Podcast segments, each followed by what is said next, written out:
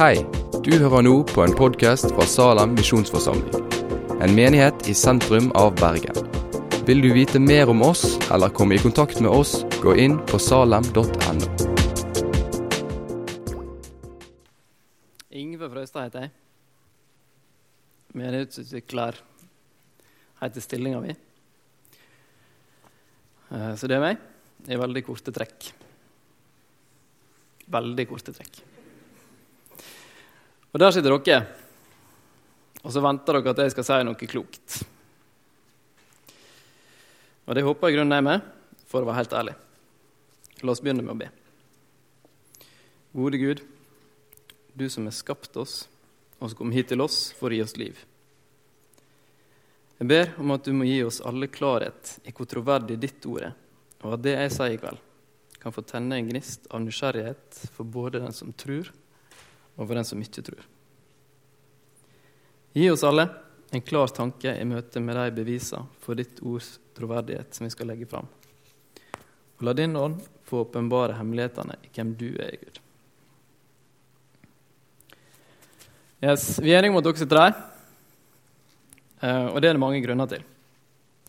En av grunnene til at dere sitter her, er at eh, jeg har blitt jaga fram for å tale, og dere slapp. Flaks for dere. Det finnes tusen ulike årsaker til at dere sitter her i kveld, men alt bygger på én enkelt hendelse, nemlig Jesu oppstandelse. Uten den så kan det godt hende at noen av oss hadde vært en eller annen plass eh, og hatt det veldig fint. Det vet ikke vi. Men la oss anta det. Men vi hadde ikke vært her, og alt hadde sett helt annerledes ut. Hvis du er litt sånn som meg, så har fortellingene om eh, Jesus de har fulgt deg fra du var så liten at du kunne drukne i døpefonten. Andre igjen er kanskje først i seinere tid blitt kjent med innholdet i Det nye testamentet. Og Kanskje er du her som ikke kjenner innholdet, og Det nye testamentet er et fremmedord. Jeg vet ikke. Uansett bakgrunn så er fortellingen om Jesu oppstandelse grunnlaget for hele vår menighet, og derfor noe som vi må sjekke grundig. Og La oss starte med inspirasjonen fra Lukas, evangelisten Lukas, som sier, helt i introen på det han skriver Nå har jeg gått grundig gjennom alt fra begynnelsen, og så litt til, og så avslutter han med så du kan vite at det er pålitelig, det du er blitt opplært i. Den holdninga skal vi få adoptere. Sjekke det vi er blitt opplært i, og etterpå kunne gi det videre med enda større frimodighet. Før vi går videre, så er det ekstremt viktig for meg å understreke at trosforsvar er ikke et forsvar av Gud. Det er ikke tenkt som en øvelse der vi skal overbevise oss sjøl om at Gud finnes og elsker oss. Det er ikke en måte vi skal overtale folk til å tro på. Det må være et uttrykk for at Gud elsker oss. Å la Bibelens troverdighet ikke overtale, men overbevise. Og Da er måten vi forholder oss til Gud og den vi møter, helt avgjørende. Skremmende, men viktig, eh, men samtidig nåde. Vi får hvile i at dette er ikke vårt arbeid, vårt stress. Når mange skal uh, bruke litt tid på å forklare Bibelens troverdighet, når du skal snakke om oppstandelsens troverdighet, så kan du ende opp i å snakke en god del om å prøve å bevise Guds eksistens. Den kan godt sannsynliggjøres, eh, men det blir ofte lange bøker av det. Veldig lange bøker. Og jeg skal ikke bruke så mye tid på det i dag. Jeg skal bare helt enkelt si at det finnes to utgangsposisjoner om hvordan vi forholder oss til Gud, om han finnes.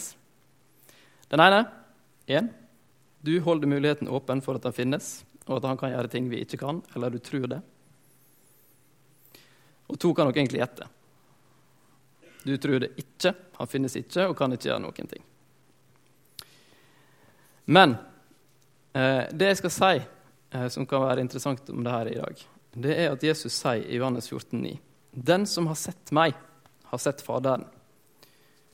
Hele Bibelens påstand er at Gud har latt seg vise i Jesus. Og Derfor så blir spørsmålet oppstandelsen også et spørsmål om hvem Gud er. Når det kommer til alt, så er oppstandelsen en historisk hendelse. Den er ikke en uh, fortelling om uh, et eller annet symbol. At det fantes en Jesus som litt sånn ja, det, altså døde han, og så var det en eller annen form for oppstandelse som var fin og flott. og alt det greiene.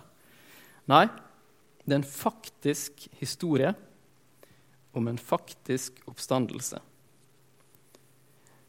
Like sannsynlig som at jeg skal dø her oppe på scenen og våkne til søndagsmøte i morgen. Eh, dere vet alle hvor vanskelig det er å våkne til søndagsmøte. Men det er en faktisk hendelse.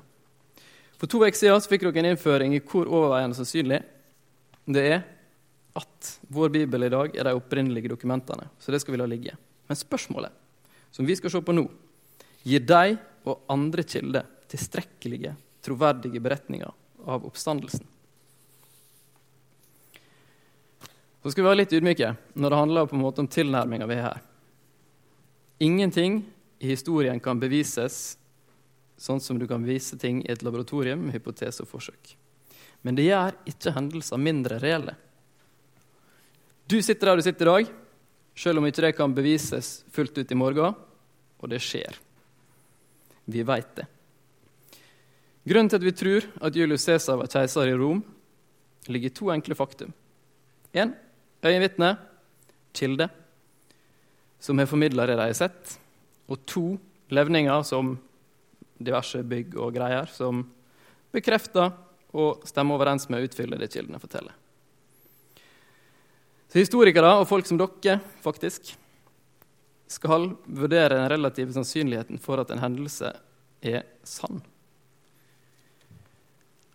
Å tro på Julius eh, har levd og vært keiser, er ikke så vanskelig.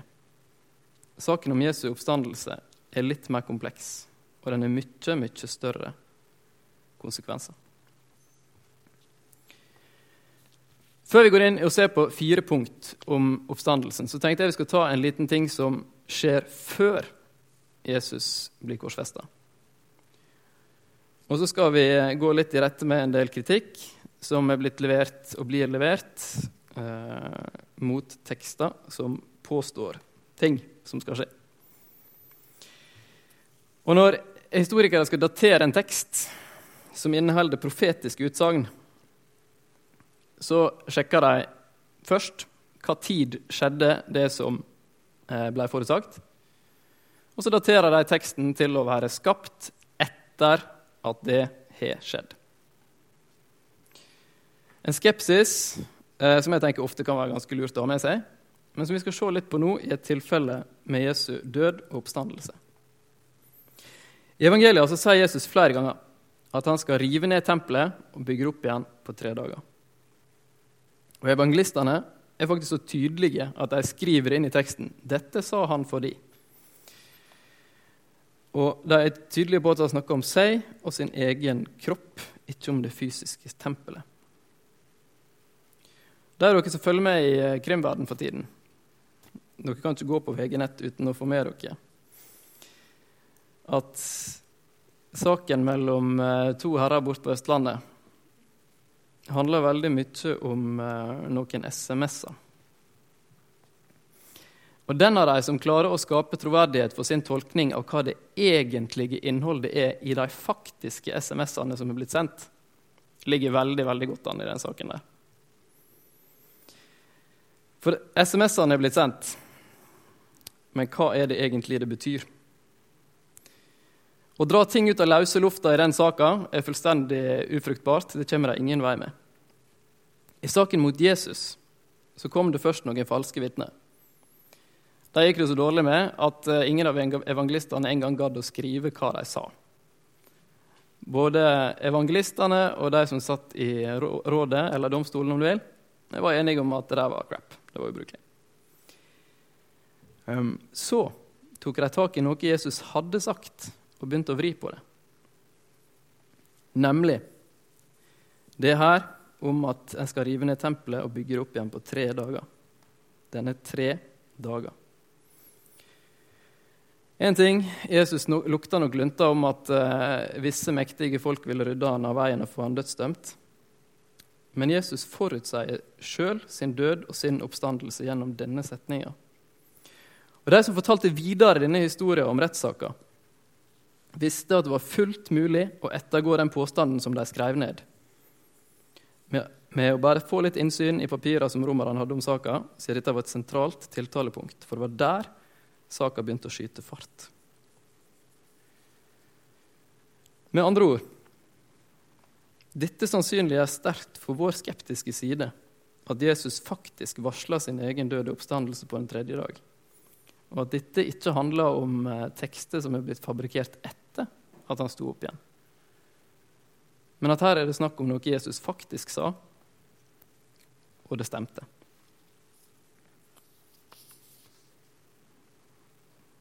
Det er ganske kult.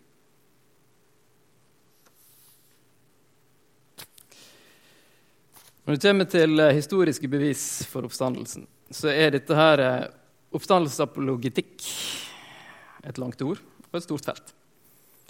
Med utallige dyktige forfattere og gode poeng. Vi skal ikke gå gjennom alt. Vi tar egentlig bare en kjapp, liten smakebit, en liten innføring. Og Hvis dere har lyst til å bruke tida fra nå fram til eksamenslesinga begynner, på å lese eh, oppstandelseslitteratur, feel free. Dere kommer ikke til å bli ferdig. Um, men vi skal se på fire hendelser som er sentrale i uh, dette, og som kan utfordre enhver skeptiker i oss. Nummer én Jesus ble lagt i en grav. Oh, ble han det? Dette er veldokumentert. Den grava tilhørte Josef fra Arimathea. Og flere kilder siterer det, ikke bare én. Det interessante er ikke nødvendigvis at det var en grav, men at denne Josef satt i det rådet som dømte Jesus til døden. Og dette er en av flere ting som er interessant i det eh, kriteriet som, eh, forhold til det kriteriet som Kristian introduserte for dere sist. Nemlig det som må antas ufordelaktig for den som skriver teksten, øker sannsynligheten for at det er troverdig. At det fantes en del sinne fra kristne som skal tilgi. Uh -huh. I know.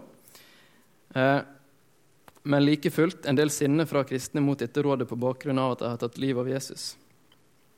At de kristne skulle skrive at en derfra, og ikke at de nærmeste disiplene skulle gravlegge han, øker kompleksiteten og det øker troverdigheten til denne historien. Og Denne grava den blir avgjørende for neste poenget siden en som påstås oppstått, lett kan gå tilbake til å bli erklært død om han skulle bli funnet i sin egen grav. At grava ble funnet tom, er fortalt av flere uavhengige kilder.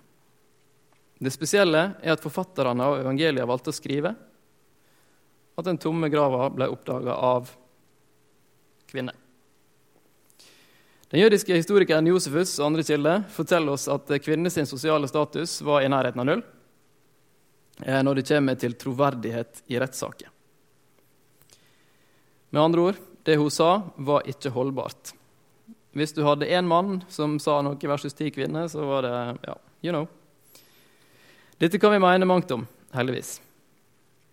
Men vi kan også tenke oss den smaken i munnen evangelistene hadde når de etter grundig research og håp om å finne kilder som forteller at grava ble funnet i det minste av én mann, sluker de må erkjenne at denne historien, som alle kjenner til, og derfor ikke kan endres ved f.eks. å utelate hvem som fant Jesus, inneholder kvinner som første vitne til en tom grav.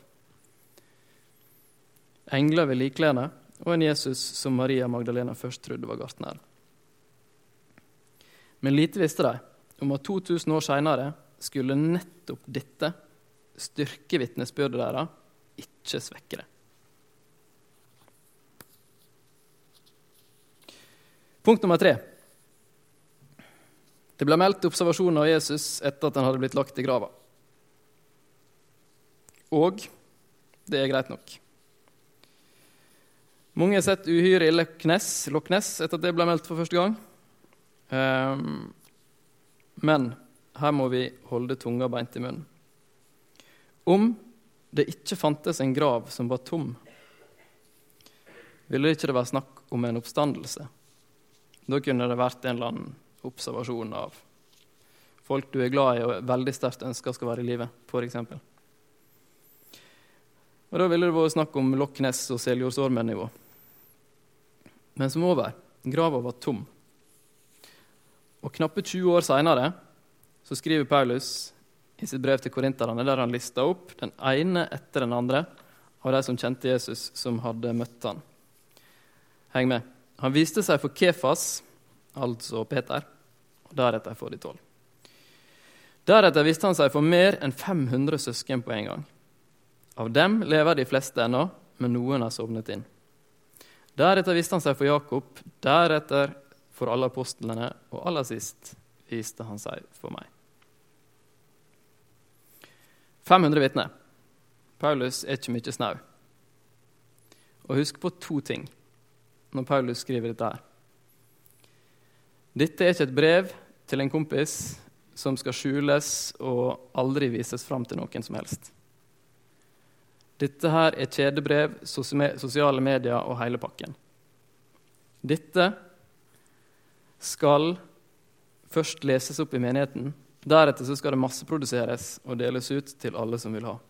Målet med dette brevet er at det skal leses av flest mulig. Visste dere forresten at Paulus var regna som den første bruker av sosiale medier? Ref. journalist i Aftenposten. Han om det. For det andre, i Korint var det flust av romerske borgere.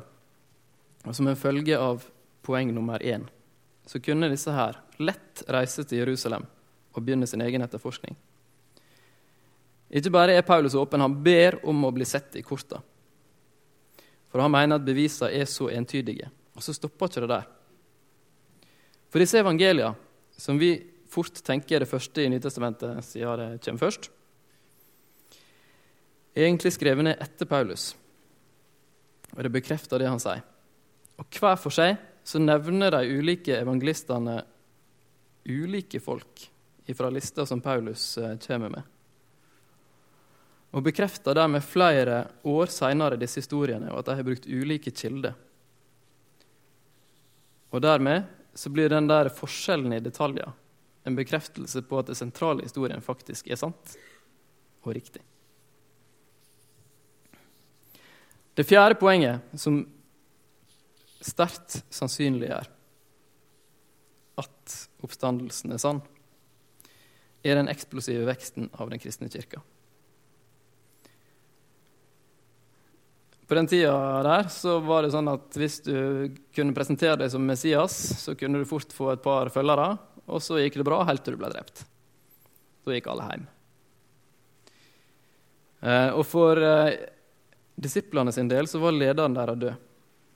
Og i jødisk religion så fantes det ingen forestillinger om en oppstandelse før dommedag. Men da skulle alle oppstå med sin egen kropp til et nytt jordisk liv. I den greske verden så var ikke oppstandelse egentlig noe for kroppen i hele tatt. Kroppen ville de bli kvitt. Sjelen skulle befris. Kroppen var et fengsel. Men likevel i denne verden der det er disse tankesettene som dominerer, så starter en bevegelse som trodde på en forvandling av kropp og sjel i en oppstandelse som var lik den Jesus hadde. Forskere hevder at hvis du skal bytte verdensbildet hos ei gruppe, så vil det kreve to ting. Det krever tid, og det vil kreve intens debatt. Og så vil en sammen over tid skape seg en ny forståelse som til, slutt vil bli en bevegelse som har et fundament. Her opplever de at så å si over natta så er det noen som totalt endrer verdensbildet. Totalt endrer frimodighet uten sidestykke i historien.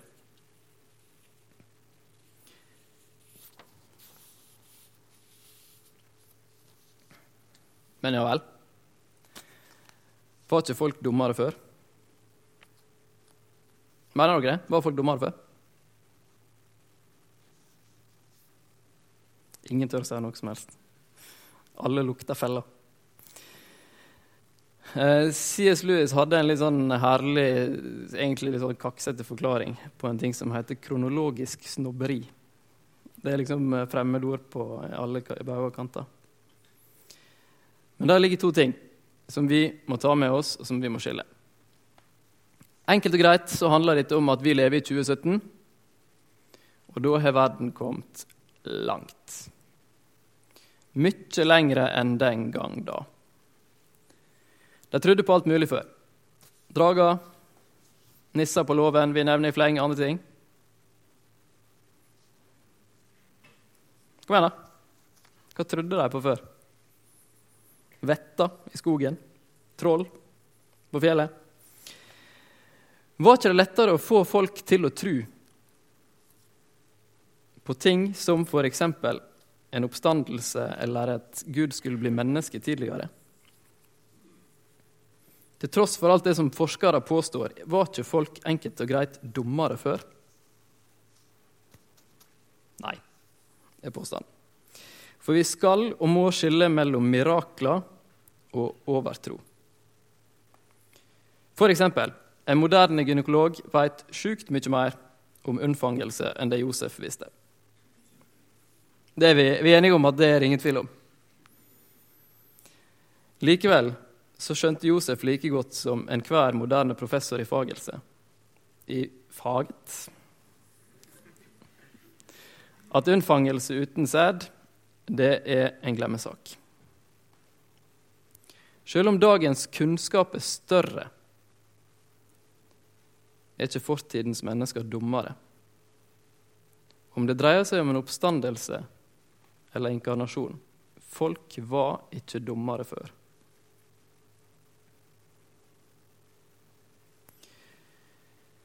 I forbindelse med kirka som vokser, og andre ting, så sier filosofen Pascal Jeg tror på de vitner som får halsen skåret over.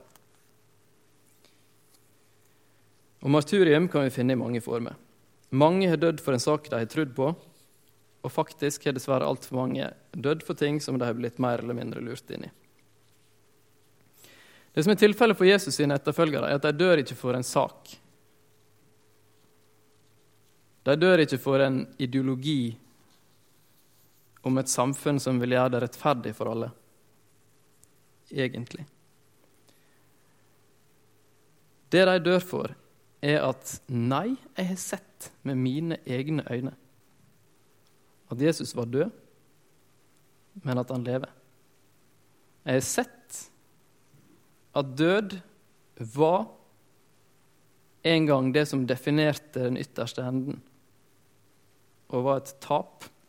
Jeg har sett at Jesus er snudd det. De holdt fast på noe de hadde sett, tatt på, spist sammen med, for deretter å se at han gikk gjennom veggen når han gikk ut igjen. Nei, påstanden er enkel. Du må ikke koble ut hjernen for å tro på oppstandelsen. Snarere tvert imot. Å koble inn hjernen vil heller styrke troa enn å svekke den. Vitnesbyrda om oppstandelsen er historiske overleveringer som har veldig store doser troverdighet for plass. Og egentlig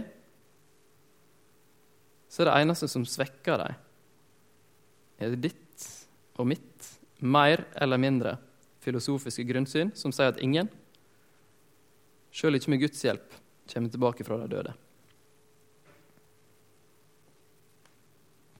Og Da må vi vurdere om det er beviser vi vil følge, og de konsekvenser det får for vårt liv og vårt håp, eller om vi vil følge vår egen skeptiske grunnholdning. Skeptikere er heller ikke noe nytt. Folk var ikke dummere før. Og Da skal vi trekke fram det som blir skrevet i Matteus 28, rett før Jesus leverer misjonsbefalinga. Han er kalt sammen disiplene for å ta farvel. I Matteus 28, 17 så står det Og da de fikk se ham, falt de ned og tilba ham, men noen tvilte. Noen tvilte, snakkes. På sine egne øyne var det et eller annet de hadde gått glipp av. Beviset sto foran dem for, en, for n-te gang. men de tvilte. Da har vi på mange måter nådd kjerna i hele Jesu døde oppstandelse. Enten vi kaller det å tro, å følge Jesus eller å bli overbevist. Bibelens fortelling viser at i oss sjøl, aleine, så når vi ikke fram til fellesskap med ham. Fordi vi er skilt fra Han, er det kun den håndstrekninga fra Han som Han gir i sin oppstandelse og sin død, som kan skape troa, gjenopprette håpet, sette oss i fellesskap med Han. Jesus møtte en desperat far som eh, ba for sin sønns liv i Markus 12, 9. Jesus ga ham spørsmålet tror du. Mannen svarte 'Jeg tror, hjelp min vantro'. Og det paradokset blir den naturlige bønnen for de som syns at alle bevis høres så solide ut. Men likevel så er det et eller annet med det der faktum at noen skal kunne stå opp fra de døde, som synes umulig. Vi kan ta valget om å ville tro ut fra overbevisning, men Gud må skape troa. For disse her disiplene som sjøl hadde sett, de gikk ikke rett videre fra himmelfarten og fortalte at nå var det nye tider. Nei, de gikk i skjul. Men da de fikk Den hellige ånd, da ga alt mening. Jesus døde og sto opp, ikke for at vi skulle leve et liv forplikta på å tro at han var oppstått. Nei, han beseira døden. En gang i den historien som nå er vår historie. Han ga oss livet, fornufta og Den hellige ånd i gave.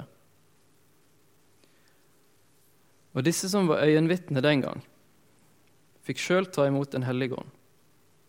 Og da ble de som var sikre på at de hadde opplevd noe helt spesielt, frimodige. Med andre ord så blir summen den vi kan koble inn hjernen, eh, og vi kan vente på Gud. Til sammen så blir det dynamitt.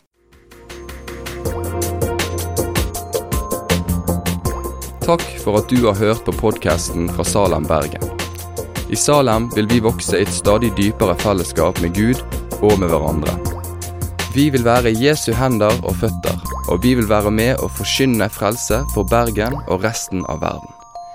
Besøk oss gjerne på salem.no om du vil vite mer.